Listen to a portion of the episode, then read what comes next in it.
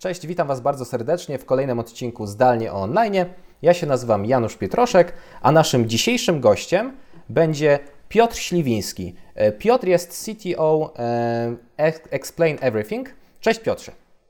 Cześć, witam serdecznie, wszystkiego dobrego w nowym roku. E, powiedz, powiedz coś więcej w ogóle na temat tego, czym jest Explain Everything.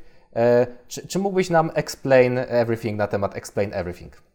Jasne, spróbuję to wytłumaczyć. Nasza platforma służy do tłumaczenia. Mm, gdyby to wziąć tak po kolei, to to jest interaktywna tablica, w której jest nagrywanie z dźwiękiem wszystkiego, co się robi i można potem to nagranie przerobić na film, na MP4 i wystawić również na naszej platformie, tak żeby ludzie to sobie mogli obejrzeć. Można te filmy potem wrzucić do YouTube'a i to jest jakby połowa tej naszej działalności. Druga połowa, która też się z tym wiąże, to to, że można sobie wspólnie pracować na takim projekcie.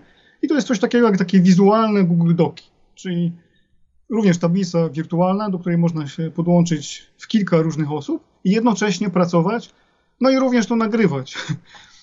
Można się podłączyć też przez audio, więc de facto nie trzeba do tego nawet wykorzystywać um, ani Zooma, ani Hangoutsów, ani Skype'a, tylko wystarczy sam Explain. No i to jest jakby druga połowa naszej działalności. I to jest platforma, w której to wszystko jest razem zintegrowane. I tak to mniej więcej wygląda. Teraz e, właśnie, żeby e, pokazać jakby to w praktyce, no to ja mogę zaprezentować naszą platformę przy użyciu naszej platformy i wtedy wszyscy zobaczą o co chodzi, bo na przykład jeżeli chodzi o PowerPointa, no to w PowerPoincie pokazuje się coś.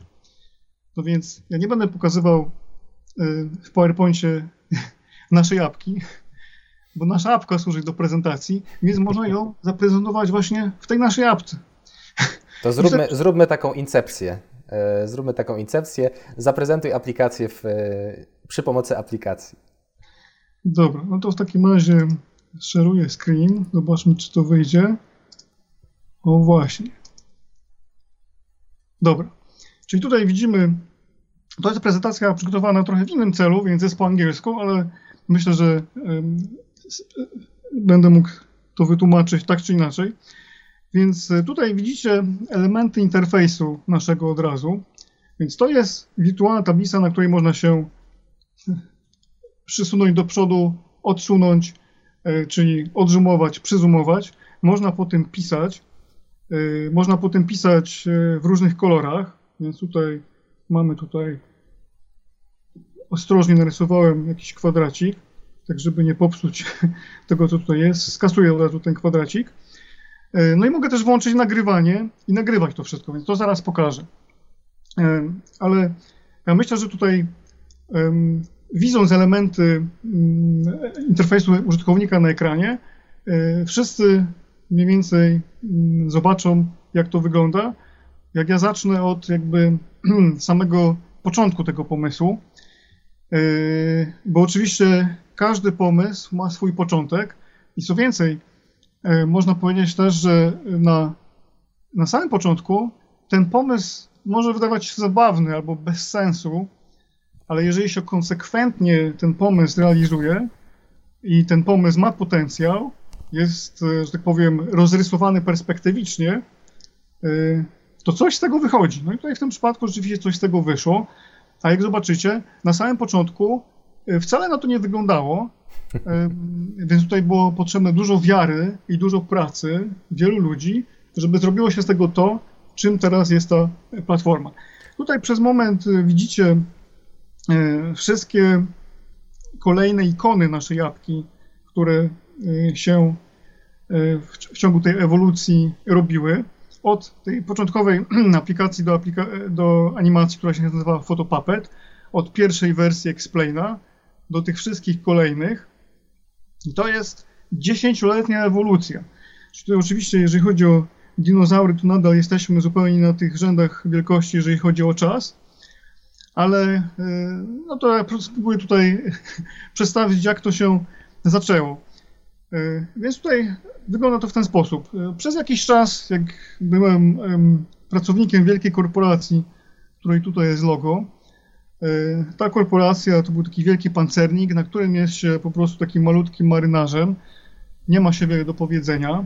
Potem w ramach jakby tego samego, tej samej ścieżki kariery, czyli software'u enterprise'owego, byłem na coraz mniejszych statkach tego typu, ponieważ no tak wygląda przebieg kariery, że potem się zostaje konsultantem w coraz bardziej high-endowej firmie, ale która ma coraz mniej ludzi.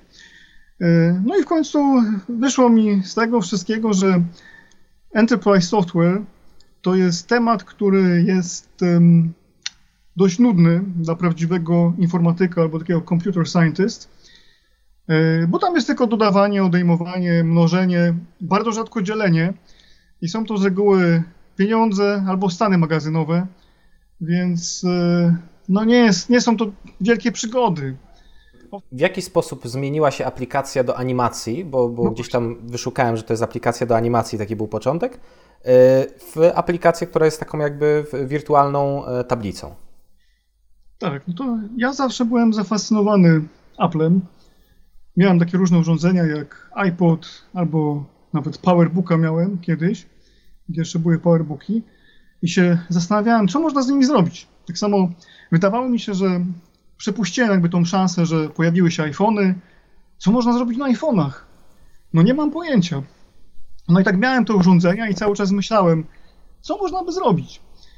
No ale e, tutaj jakby, czyli to jest z jednej strony fascynacja tymi urządzeniami, bo są bardzo fajne, a z drugiej strony hobby, e, bo robiłem takie różne śmieszne podcasty, które wystawiałem e, w internecie. E, no i stwierdziłem, że z tych podcastów można by zrobić filmy wideo. No ale żeby zrobić filmy wideo, takie animowane, no to te aplikacje do animacji są trudne w użyciu. Ciężko się ich używa. A ja chciałem zrobić coś takiego i teraz w tym momencie zasymuluję y, działanie tej pierwszej wersji tej aplikacji. Więc pierwsza wersja tej aplikacji polegała na tym, że na Macu zrobiłem mapkę, która potrafiła zrobić tak, że nagrywałem coś i robiłem tu, tu, tu, tu, tu, tu, tu, tu, tu. No i teraz można to przewinąć do tyłu, puścić play i tu, tu, tu, tu, tu, tu, tu, tu, tu, tu, no właśnie to jest efekt właśnie tej z jednej strony fascynacji Applem, a z drugiej strony hobby, które polegało na robieniu czegoś śmiesznego. Chciałem zrobić prosty program do robienia animacji i chciałem zrobić coś, co by po prostu łapało ten ruch, nagrywało razem z dźwiękiem i odtwarzało. I najszybciej można było to zrobić rzeczywiście na Macu. Rzeczywiście tego Powerbooka, którego nosiłem z sobą i wszyscy się ze mnie śmiali. Piotrek, czemu ty masz dwa komputery zawsze ze sobą? No, widocznie to było potrzebne żeby to jakby noszenie tego drugiego komputera gdzieś tam podprogowo um, wpływało na mnie. No i w końcu mi się coś wymyśliło. No i rzeczywiście się okazało, że na Macu w Xcode e, bardzo łatwo się robi e, takie rzeczy. No i potem zauważyłem, że nie ma mi się, że mi się wydawało wcześniej, że na innych środowiskach programistycznych, na innych systemach takie rzeczy powinno się zrobić równie prosto albo i prościej. To się okazało, że gdybym zaczął na czymś innym, Tutaj całej firmy by pewnie nie było. Więc tutaj rzeczywiście okazało się, że najszybciej, najłatwiej i bez myślenia o zbędnych szczegółach technicznych najlepiej było to zrobić właśnie na MacBooku. No i rzeczywiście to e, zrobiłem w roku 2008 i to był plan tego projektu. Na 12 tygodni, no tak, nastąpił tak zwany feature creep, czyli zwiększanie się ilości dostępnych funkcji. No i to spowodowało, że ten plan projektu rozciągnął się na następnych 10 lat z tych początkowych trzech miesięcy. No i zrobiła się z tego całkiem spora firma, której rzeczywiście bardzo dużo pracy wykonało, bardzo dużo bardzo dobrych ludzi. Rzeczywiście, tutaj mamy takie tych, kilka tych okresów, czyli ten okres takiej właśnie y, halo efektu i fascynacji różnymi rzeczami. Potem początek tej apki i firmy i to było finansowane przez nas samych, czyli przez wspólników. A następnie y, dostaliśmy już inwestycje i zrobił się następny etap, w którym byli następni kluczowi ludzie, następna faza rozwoju.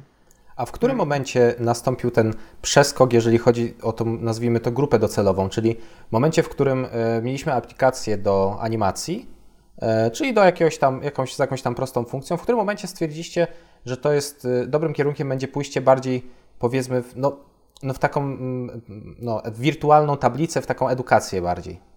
Tak, no to tutaj um, jeszcze właśnie minął kolejny rok takiego działania, w którym nie było takiego zdefiniowanego targetu, nie było zdefiniowanej grupy docelowej. Ta grupa docelowa to było coś właśnie w rodzaju od, od małego do obcego, czyli od 3 lat do 120 i na Alpha Centauri też, ale to była zbyt e, szeroka grupa docelowa, więc w ramach tej grupy to nikt nie wiedział, co tak naprawdę ma zrobić. E, natomiast apka była już wtedy całkiem skomplikowana, ta ostatnia wersja na Maca już miała takie właśnie ścieżki, na których można było nagrywać. Mieliśmy y, dosłownie dziesiątki różnych wersji interfejsu użytkownika. Wszystko to wygląda teraz śmiesznie i fatalnie, ale wtedy wydawało się mistrzostwem świata, a przynajmniej w ramach naszych możliwości. To jest no, mniej tak więcej czas, kiedy, kiedy ja się zacząłem interesować e, montażem. E, I pamiętam, że większość programów, jakieś Video Studio, jakieś takie e, Pinnacle Studio i tak dalej, one w większości miały podobny design, w sensie taki, teraz jakbyśmy na niego spojrzeli, to dosyć toporny, e, no ale wtedy rzeczywiście to było, to, to było Mistrzostwo Świata. Tak, no więc zakończyło się to na tym, że zrobiliśmy program, który miał taki interfejs. To był pierwszy ekran, Photopuppet. Taki był drugi ekran, na którym można było właśnie robić różne rzeczy, które przerażały w zasadzie wszystkich, co tam na tym było. E, natomiast e, jakby te części, które tutaj widać, czyli e, widok ścieżek, które są podobne do widoku ścieżek na edytorze wideo lub edytorze audio, wszystkie te elementy w stylu nagrywanie, playowanie i tak dalej, odtwarzanie były. O, nawet jakieś takie super, różne rzeczywiście szalone screeny. No i to, ale, ale to jest właśnie tutaj bardzo ważna rzecz, że ten program może był śmieszny, on robił to, co powinien robić, czyli nagrywał animacje, natomiast zadziałał jako taka swego rodzaju latarnia morska. Jak go wypuściliśmy w końcu y, po prawie dwóch latach pracy do App Store'u, no to zadziałał właśnie jako ta latarnia morska. Różni ludzie zaczęli do nas pisać. Mm, my też zaczęliśmy pisać do różnych ludzi. I e, jednym z tych ludzi był nasz amerykański wspólnik obecny, Russian Richards. Tutaj widać wyraźnie, w którym w 2010 roku, jakiś miesiąc po premierze naszego programu, napisałem do niego, bo on zrobił review tego programu e, i stwierdził, że można tego użyć w edukacji. Bo on pracował z kolei od paru lat nad takimi właśnie konceptami w edukacji, żeby coś nagrać, żeby potem odtwarzać, i żeby tego użyć do kilku różnych rzeczy, czyli A, do robienia jakichś wykładów online'owych, B, do robienia takiego feedbacku, który się zwraca e, do, mm, do uczniów, czyli uczeń coś zrobi, my możemy potem nagrać naszą odpowiedź, powiedzieć, co było dobrze, co było źle, możemy nagrać cały proces myślenia takiego ucznia, no bo na przykład jeżeli jest zrobione jakieś działanie matematyczne, to wynik może być dobry, ale myślenie po drodze może być zupełnie złe i to, i to można nagrać. E, no i rzeczywiście zrobiliśmy takie joint venture razem z nim. Zaczęliśmy kombinować, jakby tutaj ten interfejs zblendować z tym, co on sobie wyobrażał. E, no i wyszło rzeczywiście, że jeżeli zblendujemy ten program do animacji z taką tablicą interaktywną, to będzie dokładnie to, o co chodzi. No i teraz no właśnie, zrobiliśmy joint venture. Tutaj w międzyczasie e, mamy jeszcze też jednego polskiego wspólnika, który się nazywa e, Bartek Gączarek. No i wspólnie zrobiliśmy firmę, która wypuściła przebrandowany, przebrandowanego fotopapeta z paroma dodatkowymi funkcjami, zmienionym interfejsem, jako Explain Everything. I nasz partner, czyli Reshan, on był wiarygodny na tamtym rynku jako edukator, no i udało mu się, udało mu się zaimplantować tą ideę y, w ten amerykański system edukacji. I rzeczywiście od pierwszego dnia po premierze byliśmy w jakimś top 20 y, w apkach edukacyjnych na iPadzie, bo teraz jeszcze robiąc małą dygresję, no to z tego programu na Maca trzeba było zrobić program na iOS-a. I zanim wypuściliśmy ten program do sklepu, no to właśnie przerobiliśmy go na iOS-a. To był taki. No to było takie pewne ryzyko, bo w którymś momencie były plotki, że iPad będzie zrobiony na iOSie, jak jeszcze nie wyszedł iPad, czyli jeszcze tutaj to jest kwiecień 2010. Więc tutaj zaryzykowaliśmy i zrobiliśmy wersję na iOS. Y, ryzykując, że iPad będzie zrobiony na iOSie, tak jak iPhone. Udało się to. No i ta pierwsza apka była na iPadzie właśnie zrobiona. No i to się okazało, że to był strzał w dziesiątkę, bo podczepiliśmy się również do tej fali urządzeń typu touch, urządzeń dotykowych z ekranami dotykowymi, takich dużych urządzeń. No i wtedy nie było praktycznie takich programów. Tak więc y, mamy sierpień 2011 roku i top 20 w amerykańskim sklepie App Store Apple'a na iPadzie. To też myślę, że trzeba podkreślić, ten, ten rok 2011 to było 10 lat temu. Te programy, które my teraz jakby dopiero w większości odkrywamy z racji pandemii, że nagle wszyscy zaczęli się uczyć zdalnie i tak dalej, e, no to wy już zaczęliście się tym zajmować e, do dekadę wcześniej. Tak, do, do pewnego stopnia to było tak, że cały świat, że tak powiem, skręcił w naszą stronę tej pracy zdalnej, bo tym ciekawym szczegółem jest jeszcze to, że my się przez pierwsze trzy lata nie spotkaliśmy w ogóle osobiście e, z Reszanem. Wszystko było robione właśnie przez Skype'a zdalnie. Zdalnie rozmawialiśmy, zdalnie ustalaliśmy różne rzeczy. To była kombinacja maila i Skype'a. Więc jakby ten model pracy zdalnej no jest nam znajomy od iluś tam lat, od dekady. No i tutaj, że tak powiem, yy, no nieszczęśliwie się złożyło, że, że świat został zmuszony do przejścia na ten sam model. Natomiast ten model jest równie skuteczny, co, co praca, że tak powiem, normalna, w cudzysłowie, w biurze. Tylko, że oczywiście są pewne branże, dla których to działa, i są pewne branże, dla których to nie działa. Na naszej branży akurat to rzeczywiście zadziałało doskonale, bo wszyscy zaczęli, e, zaczęli pracować wspólnie, zdalnie na czymś. No i teraz Ide właśnie. Idealnie się wstrzeliliście właśnie w, w swój czas, że tak powiem. No tak, to, właśnie jest mm, powiem, sukces odniesiony w ciągu jednej nocy, poprzedzony, poprzedzony dekadą ciężkiej pracy. A powiedz, jak, jak teraz wygląda sytuacja? Bo y, mieliśmy, y, jakby wasza, wasza aplikacja, ona jest z tego, co, co widziałem, y, bardzo popularna, natomiast głównie na rynkach zachodnich, w Polsce nieco mniej. Jak to, jak to wyglądało teraz w marcu? No bo w marcu praktycznie cały świat najpierw się zatrzymał, a później zaczął wymyślać, jak zrobić, żeby się już nie zatrzymywać aż tak bardzo. Bardzo dużo osób zaczęło pracować zdalnie. E, cała edukacja się przeniosła do, e, do internetu, co zresztą można było odczuć w pierwszych dniach, e, kiedy szkoły wszystkie zaczęły być zdalnie i nie dało się korzystać z większości, z większości jakichś streamingów i tak dalej, bo po prostu w całej Polsce przynajmniej internet zwolnił. Nie wiem, jakie masz swoje doświadczenia. Ja pamiętam, że przez 2-3 dni pierwsze były jakieś straszne problemy. Powiedz, jak to wygląda, jeżeli chodzi o, o ilość ściągnięć, jak to wygląda, jeżeli chodzi o właśnie ten marcowy boom?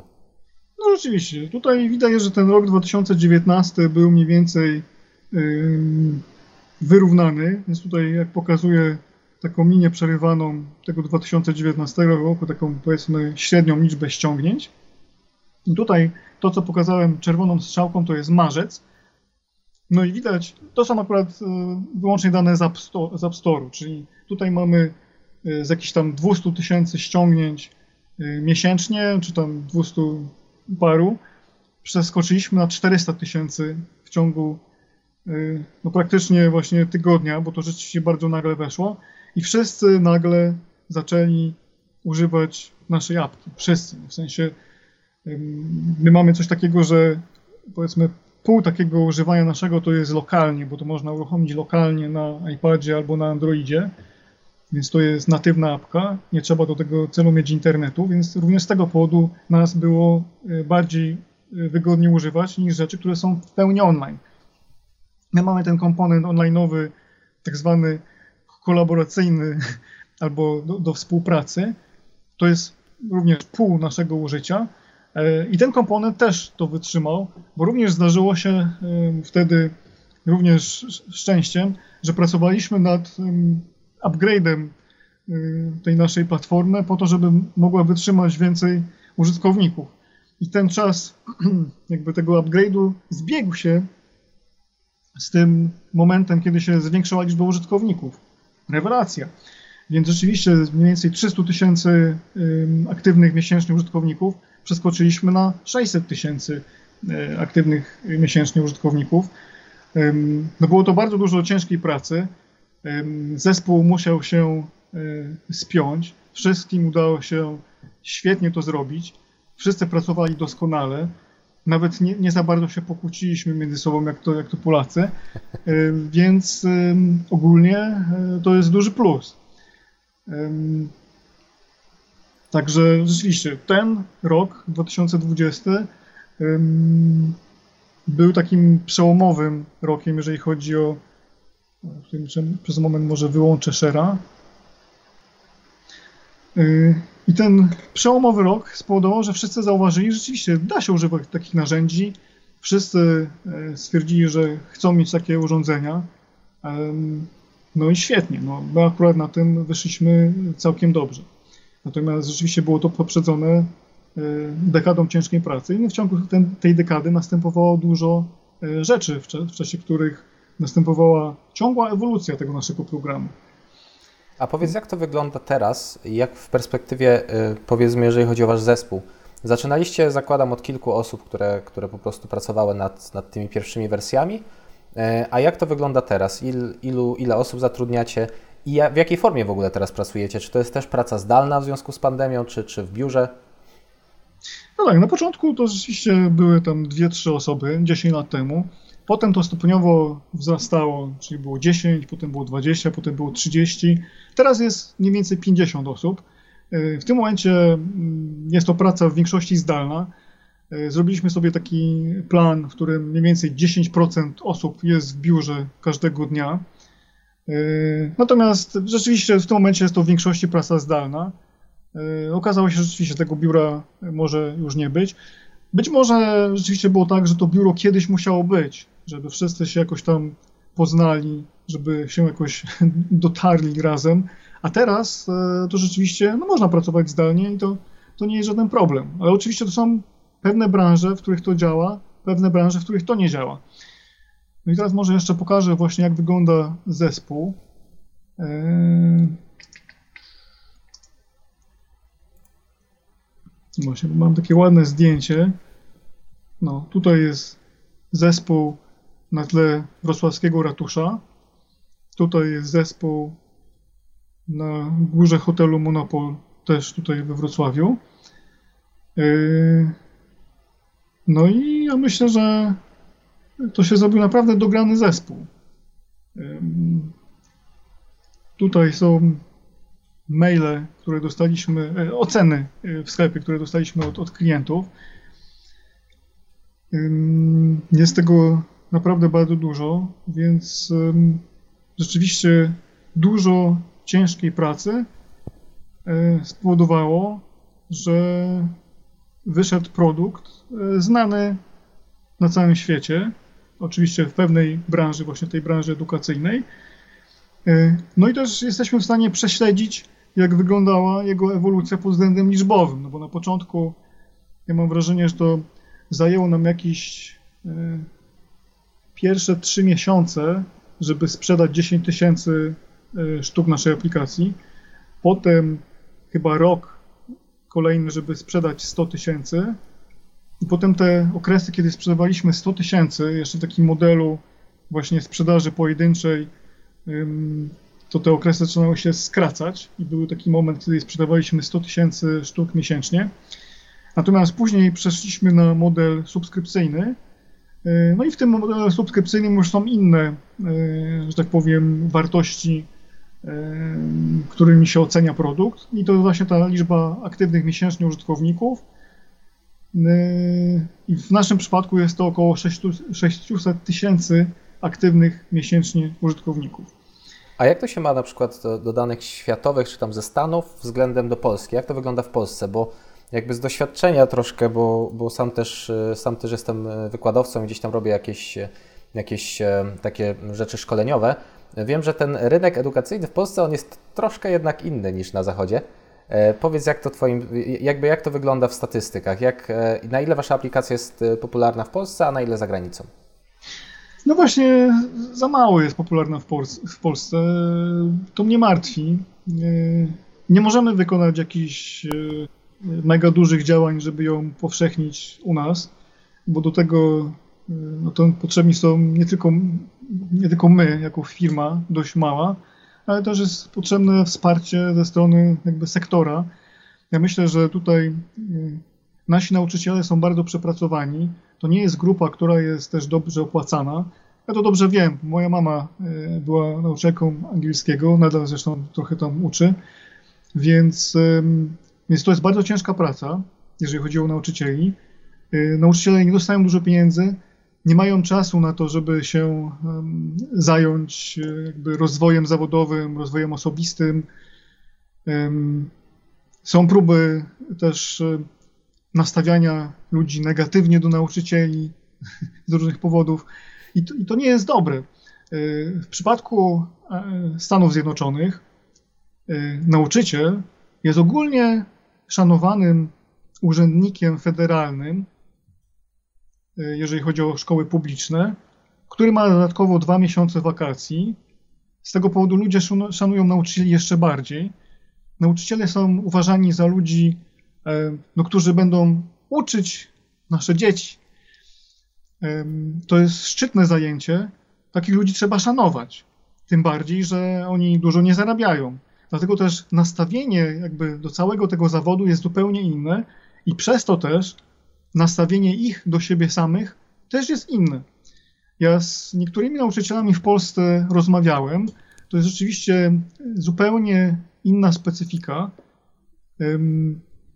Gdyby dało się to zrobić jakoś porządnie, to na pewno dałbym tym nauczycielom jakąś pomoc, bo na przykład w Stanach oprócz nauczyciela jest tak zwany TA, Teacher's Assistant który ustawi temu nauczycielowi komputer, który poustawia dzieciom komputery, e, urządzenia, iPady, cokolwiek. I nauczyciel może się zająć właśnie tym uczeniem, a nie właśnie tym ustawianiem, sprawdzaniem, załatwianiem, a potem jeszcze sprawdzaniem e, klasówek e, przez długie godziny. No rzeczywiście, to, to, jest, to jest ciężki temat, więc ogólnie można powiedzieć tak, Nauczyciele u nas nie są tak zadowoloną grupą jak w Niemczech, jak w Ameryce, jak w Anglii. Nie są też taką grupą szanowaną i z tego wynika właśnie to, że też nie ma takich super high-endowych rzeczy, które są wykorzystywane w tej branży u nas. Dlatego też jest stosunkowo mało urządzeń, jest stosunkowo mało, na przykład no jak, jak jadę na jakąś konferencję nauczycieli do Stanów, to tam wszyscy mają MacBooki, wszyscy mają iPady. No i co?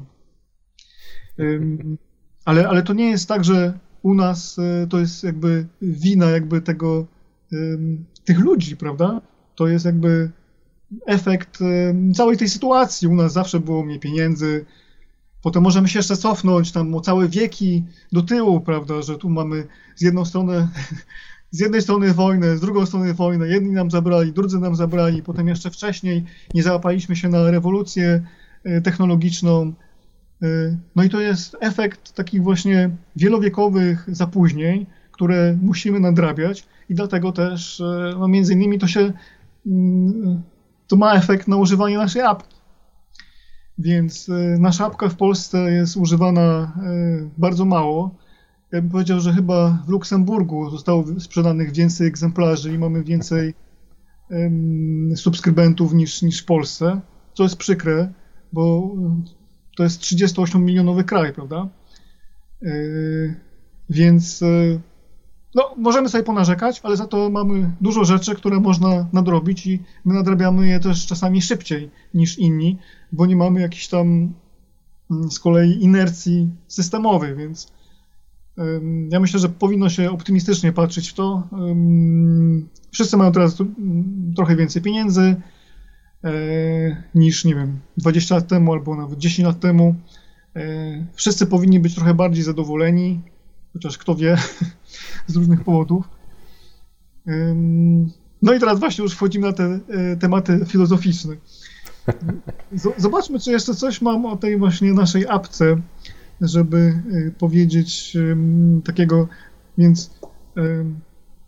Jeszcze wracając tak w ogóle do samego tematu e, tych, e, no powiedzmy, systemowych rzeczy, ja myślę, że teraz troszeczkę jednak się, e, znaczy wiadomo, to, to co mówiłeś, to się całkowicie zgadzam, natomiast teraz też troszeczkę myślę, że ta pandemia jednak uświadomiła niektórym, że w ogóle są takie możliwości, z jakich można korzystać, czyli że w ogóle może ta nauka zdalna nie działa, nie funkcjonuje jakoś super w Polsce, natomiast jakoś tam funkcjonuje i dla niektórych nauczycieli to było w ogóle pierwsze zetknięcie z jakąś taką formą Teamsa czy czegoś. Oni musieli się tego nauczyć, więc siłą rzeczy, jeżeli już musieli coś zrobić, zostali systemowo przymuszeni do tego, e, no to może będą bardziej otwarci na jakieś kolejne nowinki, bo to już nie będzie aż taki przeskok między tak. tablicą z kredą, e, kredową, a, a tutaj jakąś tablicą w ogóle wirtualną. Więc tak, ja, jestem, ja jestem optymistycznie nastawiony. Myślę, że myślę, że będzie e, jednak ta technologia rozwijana. No i zakładam, być może to, to oczywiście też wynika z różnych tam systemowych rzeczy, natomiast zakładam, że y, będzie spora część y, nauczycieli, którzy jednak nawet dla, samego, dla samych siebie i dla samego y, samorozwoju będą chcieli z takich nowocześniejszych rzeczy korzystać. Szczególnie, że no, z roku na rok coraz to nowsze, bardziej internetowe pokolenie nauczycielskie wchodzi na rynek pracy, więc to też będzie powodowało zmiany. Tak mi się wydaje. Tak, też tak sądzę.